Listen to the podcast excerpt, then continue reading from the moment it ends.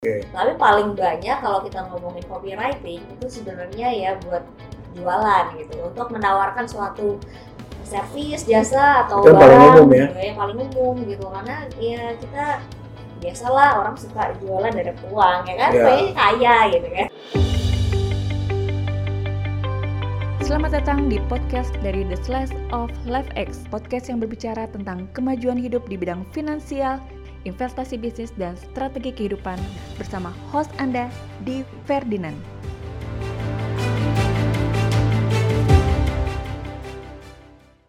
Oke, saya sekarang bersama seorang ibu muda, cantik dan maaf lagi berbadan juga ya. Sama Ibu Joan, saya di Ferdinand. Kita mau bahas topik tentang copywriting ya. Copywriting itu apa sih? Pasti orang pada bingung tuh kalau dibilang copywriting. Dan itu Oh, biasanya ilmu anak advertising. kopi. Ilmu membuat kopi, bukan fotokopi pastinya. Diaduk Ya, Tambahin dulu, gula tambah lagi. gula, eh, Sampai susu. adonannya uh, pas. Ah. Ya, jadi membuat kata-kata, susunan kata-kata yang Sampai- emang biar menarik sampai orang mau ngeklik atau mau join atau mau apa Beli yang kita kan? butuhin. Ah, mau beli gitu ya. Nah ini ini sebenarnya merupakan topik yang biasanya sangat bosenin. Hmm, Karena kalau ngomongin tulisan ngebosenin. ya. Tapi gimana sih bikin copywriting yang sesuai dengan market Anda? Gitu kan. Jadi kalau dari Johan sendiri pengalamannya gimana sih waktu bikin sosial media copywriting deh ya. Yang paling gampang kita misalnya bikin Instagram copywriting. Ya. Kira-kira tuh gimana bercerita dengan foto yang ada? Sebenarnya itu semua kembali ke kita mau dikenal sebagai apa, gitu Hmm. kan. Yang Pertama message-nya itu kita sesuaikan dengan diri kita, gitu. Emang biasa suka nulis dengan sebutan apa, misalnya bro atau eh, yang lebih chill atau yang lebih eh, serius, gitu. Oke. gitu kan. Pertama kita dulu mau message-nya keluar itu seperti apa. Kita pengen dikenal sebagai sosok yang serius, yang fun, eh, Hmm. atau yang selengean. gitu Oke. kan. Siap, Gitu. siap. Terus eh, yang kedua adalah strategi untuk em, A/B testing dulu sih kalau gue. Nah, oke. Sebelum kita ngomongin A/B testing, pastinya copywriting kita bilang mana sih copywriting yang menarik ya. Seni copy yang menarik supaya kita bisa tahu ini ada responnya atau enggak. Iya. Jadi dalam copywriting mesti diingat adalah tentang bagaimana orang ngebaca dan orang tergugah Mm-mm. atau dia ngambil call to action kita sebut aja. Jadi kalau disebut call to action artinya copywriting kita uh, membuat orang melakukan satu aksi kita mau. Misalnya mereka sharing deh yang paling Iya. gampang. Ketika mereka sharing ini juga yang terjadi dengan tulisan seperti hoax ya. Iya. Share- Sharing akhirnya orang bagi-bagi. Nah, itu itu berarti udah viral Iya. ya. Nah, eh, yang kita mau share juga bahwa ternyata copywriting ini sangat dalam dan menurut saya copywriting nggak pernah mati, ya nggak sih? Uh, dari zaman dulu sampai sekarang kita tuh hidup dari copywriting. Bahkan kalau kita bilang pejuang-pejuang di Indonesia, Shakespeare pun adalah seorang pejuang di copywriting ya. Makanya dibilang tulisan itu tajam. Ya, tulisan itu bisa nusuk bahkan bisa mengu- me- bisa apa ya? mencari jiwa yang hilang. Ya, bahkan Kan bisa membunuh. bisa membunuh juga bayangin. membuli. Ya, misalnya Membunuh. dikirimin sama pacar putus, gitu kan itu copywriting kan? Iya. Putus, Ya, ya, orangnya itu- padahal iya, kan. orangnya nggak ada, padahal yang salah kirim tuh dia putus maksudnya PLN gitu kan, akhirnya dia gantung diri gitu kan. Iya. Nah kita ngobrolin juga tentang yang baru-baru ini terjadi dengan Suli ya, Suli dari band K-pop namanya FX ya. Uh, gue sih sendiri suka FX, menurut gue cukup asik sih. Uh, yang dari gue sedih adalah ternyata Suli itu meninggal karena bully, Ya. world bully. Jadi bayangin bully itu nggak harus saya ada orangnya di depan, tapi bully itu juga bisa dari online. Dan memang untuk negara kayak Korea, seorang artis itu punya tekanan dan pressure yang sangat-sangat tinggi. Bayangin dia harus tampil prima, cantik, harus selalu kurus, olahraga, makannya dijaga gitu ya. Tapi selalu happy gimana? Iya, dan harus senyum. Nah ini ini pasti depresi di dalam ya. Kita juga tahu ceritanya seorang Robin Williams, salah satu komedian terbaik di dunia yang akhirnya meninggal dengan bunuh diri. Nah, bayangin copywriting itu sangat sangat sangat penting. Ya itu sama kayak kita ngobrol dengan seseorang gitu. Kita sempat dengar juga kemarin kejadian-kejadian yang nggak enak di copywriting ya. Contohnya copywriting bisa membunuh menurut gua bener banget. Eh, ada seorang guru nggak melarang muridnya merokok. Ya. Akhirnya apa yang terjadi? Muridnya nggak suka. Nah sebenarnya gurunya pasti maksud baik, Tapi apa sih yang terjadi di copyright? Eh, Cara dia menyampaikan, ya? Hmm. Intonasinya, mungkin gayanya, atau mungkin juga anak itu dalam pengaruh yang kurang baik, stres yang berkepanjangan. Nah, memang eh, jangan menganggap enteng copywriting. Itu menurut saya. Itu Iya. satu. Kedua, saat kita mengirimkan teks itu harus sangat benar-benar tahu kondisinya gitu. Kalau menurut saya paling bahaya ketika orang ngomong apa di- dikirim terus kita berespon dan kita mengira orang ini kayaknya lagi sebel sama saya atau emang bener-bener benci deh. Iya. Mungkin aja orang itu lagi ngamut kan. Pernah nggak dapet kayak begitu? Kalau personal itu mungkin terjadi ya kita bisa ngira-ngira Ya, kapan bisa ngira. emosinya kayak gimana. Cuman kalau udah mess itu memang agak susah jadinya makanya gue bilang harus A/B testing. Orang suka emotional yang seperti apa? Hmm. Mau dikasih yang negatif, pendekatan negatif atau pendekatan yang positif. gitu. Ya, da- dan yang lucunya dari copywriting sering banget orang bilang, oh kok apa cuma nulis doang nggak ada harganya gitu ya. Kalau menurut gua harganya tuh bahkan bisa nyawa. Itu satu tadi kita udah ngobrol ya tentang kejadian-kejadian yang ada. Kedua, copywriting itu bisa menghasilkan Iya. dan kita kekurangan banyak good copywriter. Saya pernah ngobrol sama salah satu si, eh, sutradara terkenal namanya Joko Anwar. Dia bikin kelas eh, menulis skrip. Hmm. Kenapa dia bilang kalau sutradara banyak yang bisa bikin film banyak, tapi yang punya cerita bagus, Iya. ya kan itu bagian dari copywriting. Jadi kalau kita lihat copywriting bahkan bisa ke script writer, Iya. Ya dan itu menunjang banget kehidupannya si writer. Hmm. Eh, di Amerika mungkin pernah dengar ya ada, ada serial namanya Heroes, Hmm. ya kan? Hmm. Pernah nonton nggak Heroes? Iya. Eh, Hiro Takamura, Nah, iya ya, Takamura. dunia nyata gitu ya. Nah, yang yang lucunya itu itu serial tuh cukup keren menurut gue sih keren banget ya dari dari cara dia ngambilnya kehidupan perorangannya tapi akhirnya berhenti dan itu berhenti karena writer strike pernah dengar writer strike Enggak. nah writer strike itu artinya apa ketika mereka demo Hmm. demo karena waktu itu writers writers itu tidak mendapatkan project Hmm. regularly dan mereka juga dibatasin dengan uh, rambu-rambu yang yang sangat-sangat strict. Ya. Jadi akhirnya mereka merasa oh lu nggak bisa berbebas nih berkarya gitu kan. Dan ya akhirnya memang uh, rumah produksinya juga akhirnya harus memecat banyak orang karena nggak ada nggak ada tulisan ya lu nggak bakal jadi apa-apa. Hmm. Jadi kita bisa bayangin seorang writer itu sama hebatnya dengan seorang sutradara. Kalau kita punya skrip yang bagus, ya kita baru tahu lah seorang Joker. Joker ini lagi jadi seru banget. Kenapa? Karena ternyata Avengers sendiri yang dibikin sangat mewah, Iya. jika hampir mau menyaingi box office nih dengan aktingnya Joaquin Phoenix. Ya, kalau lu sendiri suka nggak nonton Joker? Kebetulan gue gak berani nonton Joker Oh, karena oke. gue lagi hamil gede dan gue Ya, menghindari menghindari ya. Takut jadi villain anaknya gitu. Iya. takut Ya tapi tapi kalau kita lihat juga pasti kalau uh, gue kebetulan menarik banget bahas tentang Joker. Joker sendiri kan dia punya tulisan. Dia punya tulisan tangan dan ternyata kemarin teman gue seorang Coba grafologi, pak spoiler Ah, ah. seorang grafologi nulis. Apakah benar-benar yang nulis di kertas itu yang Joker tulis adalah emang mencirikan pribadi orang yang lagi stres dan depresi dan benar seorang grafologi bilang cara kemiringan tulisannya dan lain-lain itu berubah ke orang sakit jiwa. Ya. Dan saya sih bilang wow, ini yang bikin sih niat banget yang bikin Joker ya. Artinya dia nggak cuma lihat dari kontekstual film, tapi juga dari skrip. ada sainsnya Ada sainsnya, ada feel-nya, ada risetnya yang deep ya. Dan dan ini yang kita harus tahu teman-teman kalau emang mau bikin konten harus cukup dalam, Hmm. Harus cukup ada latar belakangnya, ada alasan kuat. Jadi kalau uh, kita bercerita hari ini kita bisa sangat-sangat diyakini. Ya. Itu makanya penting banget pengalaman ya menurut saya dan copywriting ini macam-macam ya. Ada apa aja sih copywriting?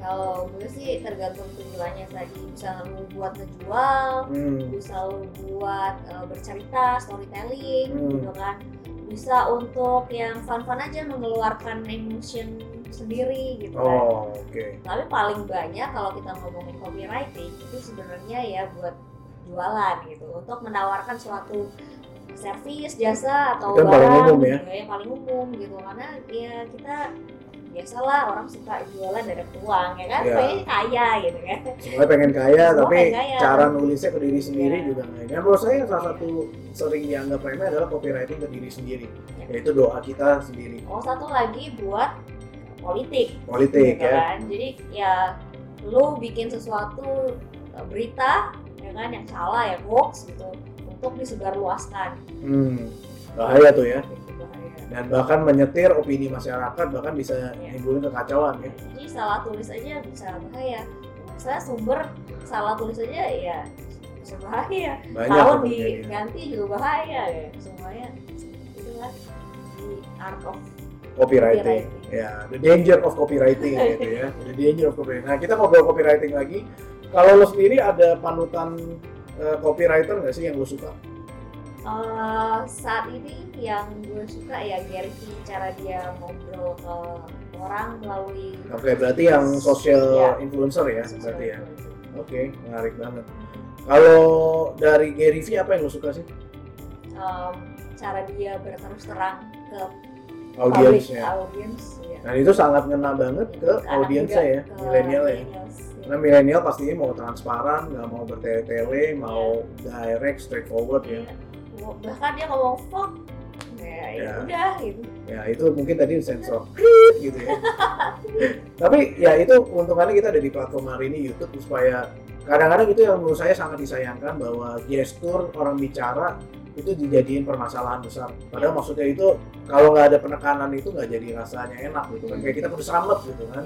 Tapi fuck gitu. Nah itu kan kata-kata yang memang eh, sering di abuse dan di overuse gitu kan. Eh, memang pasti teman-teman pada bilang kok berani sih kita ngomong gini ya karena kita mau nunjukin berapa kuatnya kata-kata Hmm. jadi kita memang akan menggunakan beberapa kata-kata yang lebih misalnya ya kata-kata bego loh gitu kan itu aja udah copywriting Iya, sebenarnya iya. Nah sangat disayangkan kalau kamu punya copywriting kasar menurut saya dan kita juga harus tahu bahwa copywriting itu juga termasuk cara anda bercerita tentang diri anda Hmm. ya kan? Kalau Johan sendiri pernah nggak sih dapetin uh, temen-temen yang memang cuma nulis doang asal gitu terus nggak ngerti? Itu ada nggak sih absurd? Ya itu biasanya nulis blog gitu nulis kan. blog ya? Setelah nulis blog eh kita dapat temen dari situ karena mereka terinspirasi dengan uh, tulisan di blog gue gitu Hmm. atau dengan wa- waktu kita nge-review di Instagram yang paling sering ya dengan platform-platform anak muda sekarang nah itu bisa dapetin banyak temen dari situ karena hanya karena caption captionnya gitu Hmm. kan hanya karena uh, kontennya dalamnya atau biasanya tulisan sih kalau paling gampang kan. Kayak video. Ya ya ya ya pasti sih kalau menurut gue sih copywriting ini menarik banget Hmm. karena kalau kita bahas lebih dalam bahkan kalau pernah nonton gue sih saranin banget teman-teman nonton Mad Men karena kita bisa tentang Iklan ya? industri iklan Hmm. advertising yang memang hidupnya dari copywriting. Iya. Eh, apa ya Marlboro ya kalau nggak salah dia iklannya. Rokok ya? Itu rokok dan memang kalau kita lihat ngomongin copywriting itu pasti nggak jauh dari branding biasanya.